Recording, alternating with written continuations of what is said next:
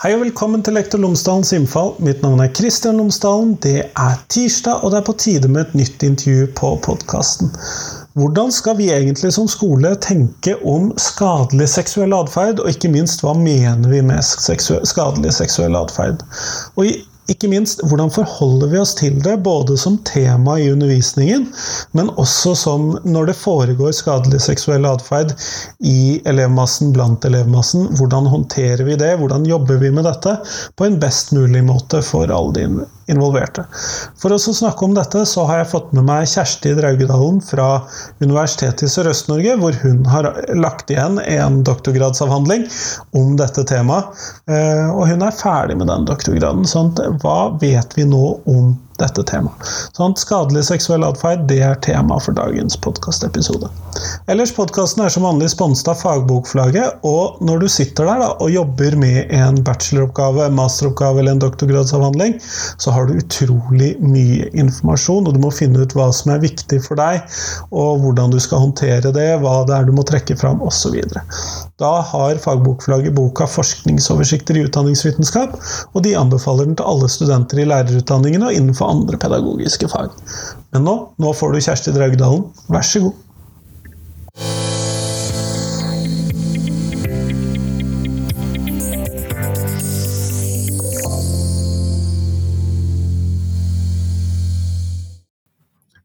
Kjersti Draugedalen, tusen takk for at du har tatt deg tid til meg i dag. Tusen takk for at jeg har fått lov å komme eh, i gåstein. Ja, dukke opp, kanskje? Ja. Eh, for de som lurer, dette blir spilt inn digitalt, så det er derfor denne å komme eller å dukke opp er en ja. Eh, problemstilling. Men du kunne fortalt lytterne mine tre ting om deg selv, sånn at de kan få bli litt bedre kjent med deg? Ja, det kan jeg. Jeg er 47 eh, år gammel, bor i Tønsberg. Jeg er utdannet barneskolelærer med master i flerkulturell og internasjonal utdanning og en videreutdanning i seksuelle overgrep i et livsløpsperspektiv. Jeg håper det var bare én. Ja, det går jo bare én. Ja, ok. og så uh, har jeg bodd til sammen tre år i Uganda, og jeg var gift med en mann fra Uganda i ti år, og vi har to barn sammen. Og det er på en måte litt sånn Det også definerer veldig hvem, hvem jeg er og hva jeg er opptatt av. Um, og så nummer tre, um, jeg er veldig sånn ihuga både musikk og, og humor og lek-fan, og er veldig opptatt av at det også skal, skal mer inn i skolen enn det er i dag. Det er du vel ikke alene om da, nei? Nei. Men kjempeflott. Du, eh, vi skal I dag så skal vi snakke om skadelig seksuell atferd og undervisning om eller møte med det i skolen. Og Da må vi jo først starte med hva er det vi egentlig mener når vi snakker om skadelig seksuell atferd? Ja, eh, altså, det er jo et egentlig veldig sånn oppkonstruert og, og, og, vanskelig tilgjengelig begrep. Men, men, vi i Norge har valgt å legge oss på, på den definisjonen nettopp fordi at uh, man har Simon Hackett bl.a. I, i England um, som, som, tidlig kom med harm, harmful sexual behavior. Og, og, det var jo en, en, en, motsats til det her med, med overgripere og litt sånn der, eh, andre ting som, som, var veldig stigmatiserende på, på, barn og unge. Men altså skadelig seksuell atferd, sånn det forstås eh, i, i, Norge, det er jo en sånn eh, paraplybetegnelse. Som, som, faktisk inkluderer alt fra på en måte når, når det blir uh, grenseoverskridende på en eller annen måte. Altså fra ord til, til handling til, til og med altså mest sånn ekstreme sånn med, med, rett og slett voldtekt, seksuelle overgrep. Um, så, så, det er rett og slett et, et sånn kontinuum av, av atferd man snakker om, da. Uh, fellesnevneren er jo at det, det, er noe som ikke er sunt. Ja, uh, og det kan jo være ganske mye forskjellig, som du sier, og det gjør det jo kanskje litt komplisert å snakke om. Ja, det, det, det, gjør det absolutt. Og, og, som jeg sier at eh, når vi snakker om mennesker generelt, så er det veldig vanskelig å kategorisere. så, men, men, det er gjort som et forsøk på iallfall, iallfall eh, prøve å, å, og, hjelpe særlig profesjonelle da, med når er ting grenseoverskridende, og når må man faktisk ta affære. Nettopp, nettopp. Men når, vi da, eller når du da har uh, sett på dette, og jeg ser jo at du har brukt litt ulike metoder for å se på det, uh, i hvilken grad møter lærerne i din opplevelse denne tematikken? Ja, nei, Det er også litt interessant, fordi at uh, jeg hadde en spørreundersøkelse blant 159 lærere, og der var det veldig faktisk overraskende lav prosent på, på lærere som, som, opplever at de har møtt denne typen atferd. Um, og, og, og, jeg gjorde faktisk eh, hva skal man si, et lite nummer ut av dette her uh, fordi jeg så det i sammenheng med bl.a. Eh, Barneombudets rapport fra 2018 som, som snakker om at ø, Den heter jo til og med 'Alle kjenner noen som har opplevd det' eh, om, om, seksuelle krenkelser, og at det er et stort problem. Og, og jeg vet jo du har snakket med Beate Goldsmith Gjerløv, som, som, på en måte rapporterer de samme trendene i videregående. Eh, så, så, jeg ble litt opptatt av eh, hva er det som gjør at uh, lærere ikke tenker dette på barneskolen, eller at det er såpass få som, som sier at de ser det. Gjorde du deg noen tanker om hvorfor? Ja, altså eh, jeg tror at eh, det kan være mange grunner. Altså, som jeg sier, dette med skadelig seksuell atferd kan igjen være et veldig sånn derre man får lett sånn assosiasjoner til spesialisttjenesten og på en måte dette her er ting som ikke vi, vi skal ha noe med eller kunne noe om.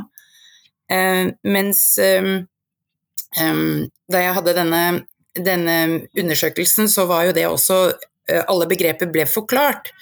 Men jeg valgte å ha en sånn oppfølging med fokusgrupper eh, blant lærere, hvor vi også gikk igjennom hvorfor tror dere at, eh, at eh, lærere svarte, hvordan de svarte på dette og sånn. Og da var det mange lærere i fokusgruppene som sa at Eh, både det med at eh, man har ikke helt tenkt på at barn har en seksualitet. Eh, og, og, da blir det veldig rart at de skal ha en seksuell atferd, og, og, det er mye ting knyttet til det. Og, og også det med hva, hva, er egentlig skadelig seksuell atferd? og, både i, i um, undersøkelsen og i fokusgruppeintervjuene så, så var jo lærere også veldig tydelige på at det er vanskelig å skille mellom eh, sunn, bekymringsfull og skadelig seksuell atferd? At når er det det, og når er det det? Ja, det kan jeg jo se for meg, for dette, dette vil jo være utrolig kontekstavhengig. Akkurat. Og det er jo, det, det er jo akkurat det f.eks. Simon Hackett og, og, egentlig alle andre på området sier, at det er kontekstavhengig. Um, og at man i alle mulige verktøy vi har, som f.eks. Hackets Continuum, men også da trafikklyset som vi har på norsk, som er da et hva skal man si, sånn kategoriseringsverktøy til hjelp uh, for oss å vite når atferden er sunn, uh, bekymringsfull og skadelig, så, så er det klart at dette er jo bare et verktøy som eh, hvis man bare bruker det helt sånn kategorisk som en sjekkliste, så kan man jo ende opp med å stigmatisere og krenke videre. Eh, mens man må se atferd i kontekst. Men når vi da skal eh, hjelpe lærerne én med å oppdage dette, jo, eller være bevisst på dette, eh, men også da hjelpe lærerne i å gi de verktøy for å håndtere dette når de først blir bevisst på dette, hva er det du særlig tenker på som viktig for oss da? Ja, jeg vet jo at mange på din podkast har jo nevnt dette her eh, som eh, kanskje læreres superkraft allerede, men jeg tenker jo at relasjonen Relasjonen er kanskje det viktigste vi har som lærere. Og det, det er så banalt som det er vanskelig. Um, fordi at uh, Eh, det er der alt starter. Og jeg tenker at eh, selv om jeg har nå tatt en doktorgrad på dette her med skadelig seksuell atferd, så er jeg så opptatt av at er det én ting lærere kan gjøre um, i forhold til forebygging av skadelig seksuell atferd, så er det nettopp det å skape trygge fellesskap og, og ha virkelig en så god som mulig relasjon med alle elevene, og, og da begynne å snakke om det sunne der er liksom virkelig, Hvis man skal snakke forebygging, så er det det som virkelig kan være eh, en sånn samfunnsendring ved at, ved at lærere liksom bygger disse fellesskapene og snakker om det sunne. Og så at man heller får hjelp fra andre tjenester når det begynner å bli mer grenseoverskridende og, og skadelig. Så det var liksom doktorgraden min på to, to, to setninger. så det, det, du understreker jo rett og slett bare viktigheten av tidlig seksualitetsundervisning, da, basically. Absolutt. Um, det, det, er um, Og jeg har vært så heldig å få lov å jobbe med veldig mange utrolig sånne briljante fagfolk.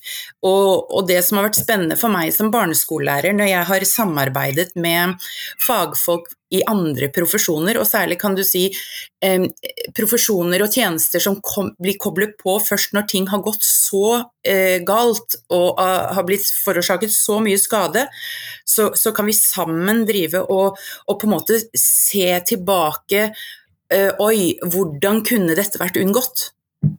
Og, og, jeg har jo bl.a. skrevet en bok sammen med, med Helle Kleive, som i, i, veldig mange år var leder av det som heter V27. Og, og dette er jo en sånn foregangsressursenhet um, i Norge som har virkelig pilotert den faglige utviklingen uh, på skadelig seksuell atferd. Og det å liksom jobbe sammen med spesialister på området, og, og, hvor vi sammen kan på en måte drøfte ok, men hvordan blir da, hvordan kan vi forebygge, og hvordan kan vi komme tidligere inn? Ja, og den boken finner jo lytterne den finner de i shownotesen på Lektor Lomsdalens innfall, sånn at da får de en lenke til den der. sånn at uh, Litt spredning må vi jo ha. Oi, ja, oi. ja, takk for det. Men, uh, men, men, bare for å si det sånn også, så har jo jeg vært med uh, på å um, skrive en skoleveileder også. Um, RVTS Midt og Rebessa i Trondheim fikk midler fra Helsedirektoratet til å lage nettopp en skoleveileder for ansatte i grunnskolen. Som omhandler nettopp dette her med hvordan kan man forebygge og hvordan kan man sette inn tiltak på tidligst nivå når man oppdager skadelig seksuell atferd i skolen. Um, og den er helt gratis nedlastbar på seksuellatferd.no. Jeg hører at det er mye vi skal putte inn i shownotesen på denne episoden, for å si det sånn. Lager jeg mye krøll for deg nå? Nei, det er kjempebra. Vi trenger rike shownotes eh, til disse episodene. Ja. Men du snakker jo også om eh, dette her med rett og slett at lærerne er menneskerettighetsforsvarere. og Hvordan mm. kommer det inn i bildet i denne sammenhengen? Jo, eh, fordi at eh, eh, det som, som, ofte blir sagt, da, det er jo på en måte at seksuelle overgrep er et folkehelseproblem. Og det er ganske sånn unisont uh, forstått i samfunn verden over, og hvor, hvor, store konsekvenser det har for ikke bare de som blir utsatt, men familier og, og, og liksom virkelig sånne konsekvenser på samfunnsnivå. Um, det som ofte kanskje er mindre kommunisert, det er jo at det Og her er det jo selvfølgelig veldig uh, forskjellige tall, det er mye mørketall osv., men, men nå begynner man å operere med fra 30 til, til ja, Det siste jeg så, var jo 70% av seksuelle overgrep mot barn er begått av andre barn og unge. Og da har man plutselig et um, da har man plutselig et problem i forhold til sånne tradisjonelle responser, fordi um, når, når, barn og unge er de som begår um, overgrep og, og, seksuelle krenkelser, så, så, kan man ikke lenger eh, bare lene seg på det strafferettslige og det derre eh, kriminalitetssporet. Um, og, og, litt sånn som for meg, da, som er barneskolelærer, alle, alle barna vi har med å gjøre, er jo under eh, altså kriminell lavalder, eh, seksuell lavalder, ikke sant? alle mulige sånne ting. Så, så da blir det hva, hva, gjør man da? Og vi er bundet av Barnekonvensjonen.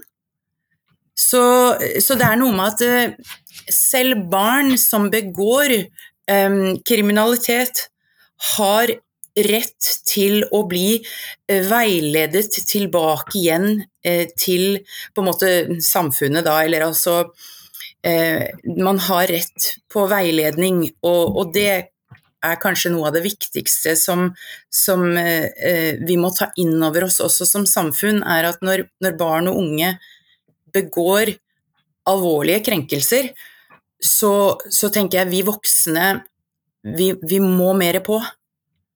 Og vi må mer på tidligere. Um, ja. Nettopp. Og det, er, det blir Man går jo du, du, beveger deg jo rundt et landskap her som tilsier eh, tidlig og helhetlig seksualitetsundervisning og gode relasjoner. Det er jo Ja, ja og jeg, jeg, vet at kanskje det er nesten litt sånn provoserende av og til hvor, hvor, mye jeg snakker om det og hvor mye jeg vektlegger det, men um, jeg nå i løpet av denne doktorgraden nå, så har jeg ofte blitt kontaktet av, av skoler og, og, der hvor ting virkelig har skjedd, og, og kommer inn og får prate liksom med, med lærere som, som, sitter på en måte midt i disse sakene. Og noe av det første jeg, jeg spør om, er liksom Hvem har en nær og god relasjon med denne eleven? Og så etter litt sånn frem og tilbake så er det veldig typisk at Nei, det er ingen som har en relasjon. Og det er ikke Det er ikke ofte en sånn villet utvikling, men det er ofte noe som skjer med oss voksne når vi begynner å bli bekymra. At måten vi bekymrer oss på, og fremmedgjør ofte eh, barn og unge. At man, når de senser at vi er bekymra, så, så, på en måte går de litt i sånn shutdown, og så, um, og så blir det nesten av og til en sånn selvoppfyllende profeti. Um, så jeg, i, i, den, i, den, boka som Helle og jeg har skrevet sammen, så har vi også fått med mine barn som sånne konsulenter og medforfattere for å, å se litt um, men, men, hvordan skal vi bekymre oss da? Hvordan skal vi gå frem? Fordi at altså, veldig ofte så kan jeg mene at jeg gjør det på riktig måte, men hvis mottaker ikke og, og da i, denne, i, dette tilfellet barn og unge ikke tenker at det blir riktig, eller at hjelpen fungerer, så må jeg høre på dem. Mm. Men øh, hvilke barrierer er det du ser særlig når det gjelder mot å lykkes med dette? da, Eller lykkes med å håndtere skadelig seksuell atferd, litt sånn uavhengig av hvor fornøyd vi er med begrepet? Ja. ja, nei, jeg tror for det første, bare apropos begrepet, jeg tror at når vi, når vi finner noe bedre, så gjør vi bedre.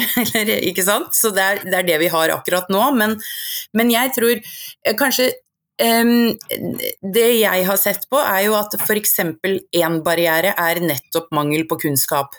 Mangel på kunnskap og kompetanse gjør at man blir Man kan gå egentlig litt, litt, sånn i to grøfter. Enten så kan man på en måte alt det man ser av, av noe med et seksuelt aspekt er skadelig, og, og, og kan også på en måte eh, ha veldig sånne eh, ugunstige responser til sunn seksuell, seksuell atferd.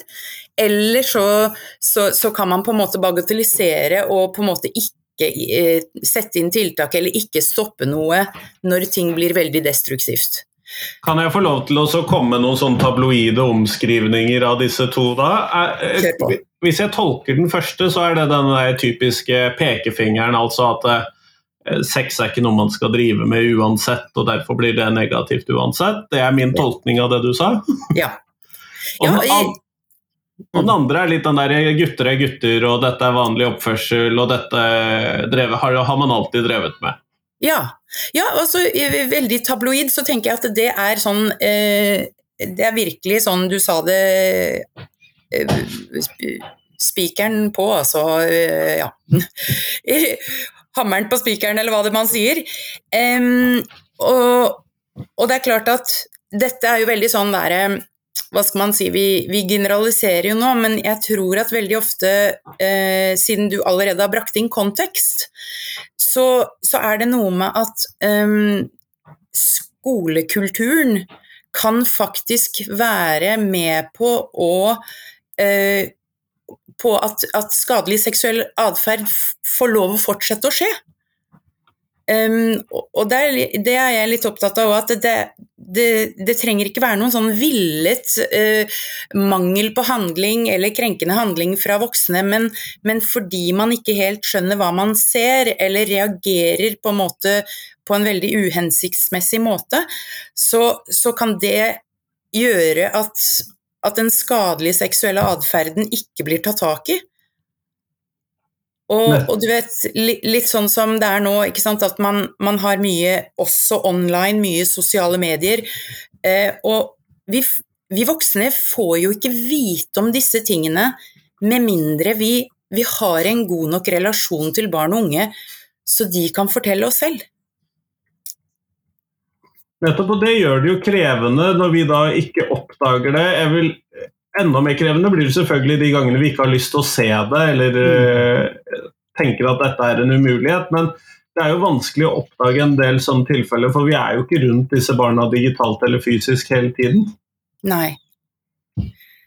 Nei, og der eh, har jo f.eks. Eh, Silje Berggrav fra, eh, på oppdraget fra Redd Barna hadde, jo, kom jo med en rapport i 2020 som, som snakker om eh, pornografi, og at eh, ungdom selv etterlyser voksne, sånn som lærere, at man kan ha en prat, men ikke en sånn moraliserende og, og, kanskje sånn som vi tenker veldig ofte, og siden jeg er lærer selv, så er det liksom sånn at jeg må være så pedagogisk hele tiden, og jeg må, jeg må virkelig alltid få, få sagt hva som er det normative, og hva som er viktig at barn bør og, og skal.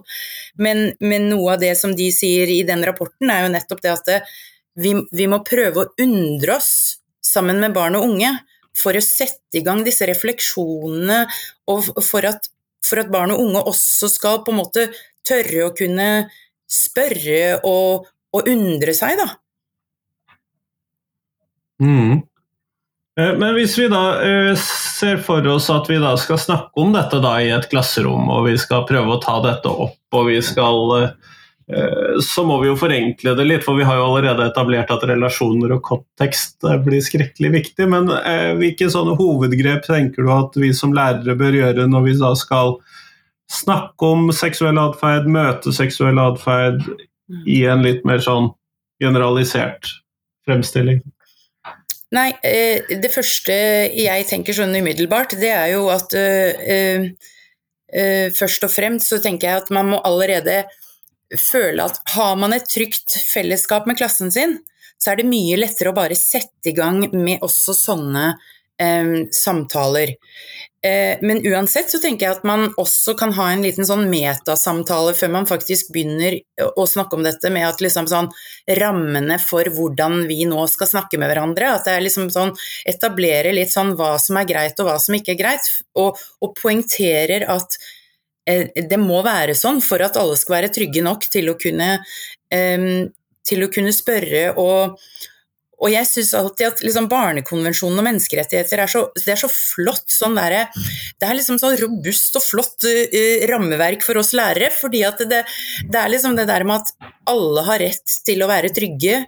Alle har rett til å medvirke og, og, og faktisk uh, si, uh, si, sin mening. Og så er det noe med at liksom mine rettigheter eh, stopper hvis de krenker deg. Ikke sant? Altså Den der speilingen på at vi er faktisk mennesker i, som, som, må forholde oss til hverandre. At mine rettigheter kan ikke gå utover deg. Så vi må liksom prøve å ha også dette her med å være solidariske med hverandre, og, og hva kan vi da enes om? Og Det gjør jo at dette passer inn Dette er jo, slik du beskriver det, ikke egentlig noe særegent for dette temaet. Dette burde vi jo sitte Eller dette er jo en del av undervisning om andre tema. Vi må bare inkludere at dette også handler om sex, og bevisstgjøre elevene at dette også handler om seksuell atferd, ja. liv. ja. Ja, jeg, jeg, jeg tror du har helt rett i det, og så tror jeg bare Eh, ofte så kan voksne få en sånn smule panikk når man, når man er inne på noe av det her med seksuelle aspektet, da. Um, Og, og, det ser vi jo også sant, i forhold til eh, fagfornyelsen. Nå skal jo lærere virkelig ta et større tak, og, og, og det er forventet at man, man, baker de inn i alle fag omtrent, og at man har en mye mye eh, hva skal man si, kontinuerlig bedre kontinuerlig opplæring i forhold til dette.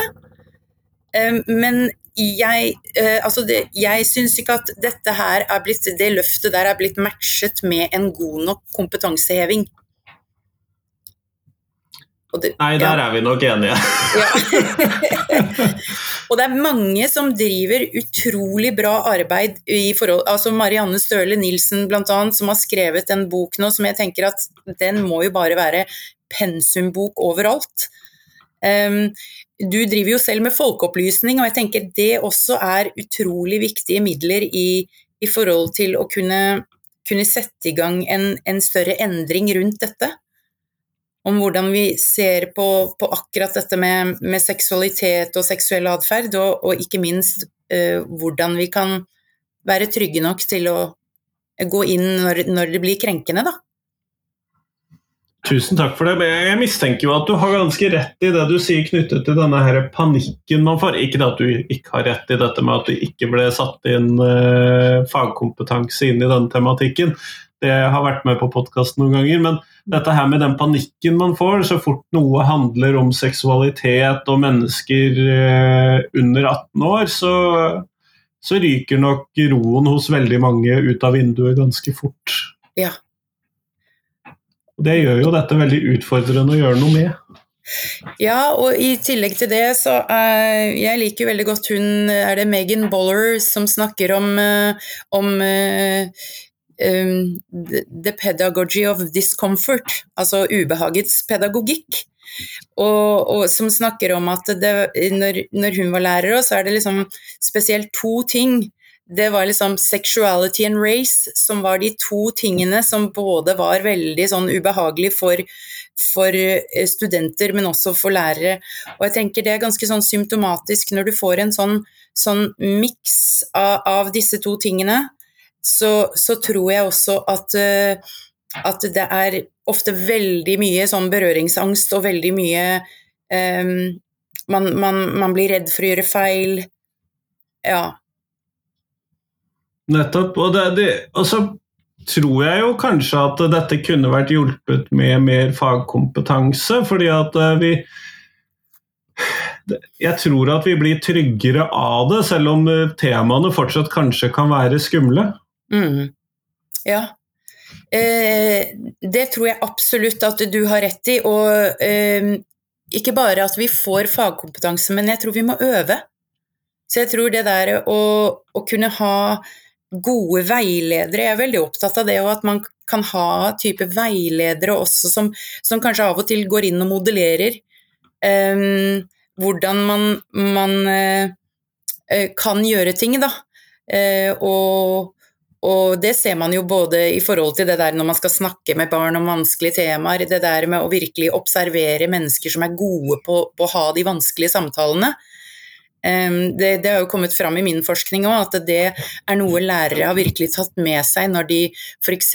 har observert um, eh, vært på barnehuset og sett tilrettelagt avhør, og så bruker man på en måte Så ser man hvordan da um, den samtalen her, og så tar man med seg tilbake på skolen og sier at oi, disse, sånn kan man gjøre, disse teknikkene um, kan fungere. Ja, eh, man har jo lært disse tingene i en del fagmiljøer etter hvert. Dessverre, etter å ha tabbet seg ut noen ganger, dessverre. Men eh, no, etter hvert så begynner man jo å bli gode på dette. Men likevel så er jo ikke dette da en del av lærerutdanningen de fleste steder. Det er jo det kanskje mer slitsomme i den sammenhengen. Ja, og der er vi jo tilbake til eh, hva skal man si, opplæring igjen. Og jeg tenker jo også at eh, nå, nå, har jo på en måte lærerutdanningen blitt femårig, eh, men det er jo flere som har sagt at, eh, at selv om den er femårig nå, så, så, betyr det ikke mer tid til det der pedagogiske håndverket og hvordan gjør man det egentlig.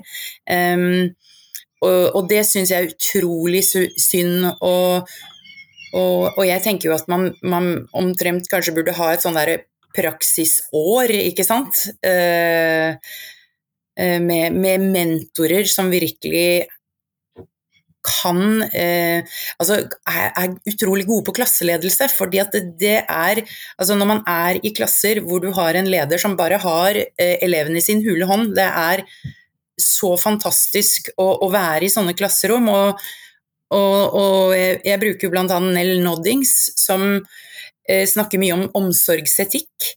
Og hvordan det er at eh, når man først får til disse gode relasjonene i klasserommet og sånn, så går alt så mye bedre. Eh, og at, eh, at mye av kanskje også det her med det tidspresset og, og sånne ting også, når man, når man også organiserer litt annerledes, så kan man frigjøre en del tid og ressurser fordi at klassen da blir Altså man slipper å jobbe så mye med atferd og utfordringer og ting som oppstår. Men på samme tid må jeg si at jeg, også jeg er jo veldig fan av at man, man trenger flere ressurser inn i skolen. Og da har vi forhåpentligvis bidratt med noen inn i denne, og så finner man jo enda flere i shownotesen til denne episoden. Men da eh, Kjersti, går vi mot slutten av den tiden vi har sammen i dag, og da lurte jeg på om du kunne fortelle meg hvilken lærer som har gjort størst inntrykk på deg, og hvorfor det? Ja, jeg tenkte lenge egentlig på dette spørsmålet, og eh, det er jo jeg tror jeg har sånn rundt fire lærere som står uh, for meg som var sånn wow, fantastiske.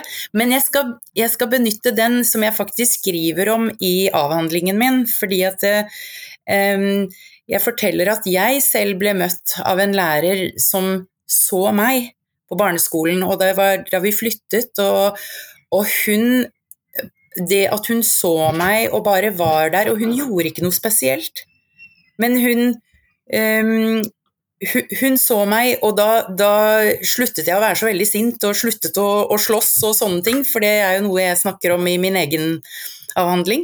Så det der eh, kraften til en lærer, det, det opplevde jeg virkelig på barneskolen selv òg.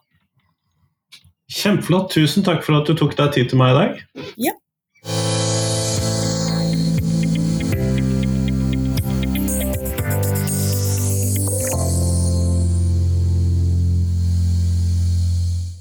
Tusen takk til Kjersti, og tusen takk til deg som hørte på. Nå er det fram til fredag, så kommer det en uh, ny reprise på podkasten.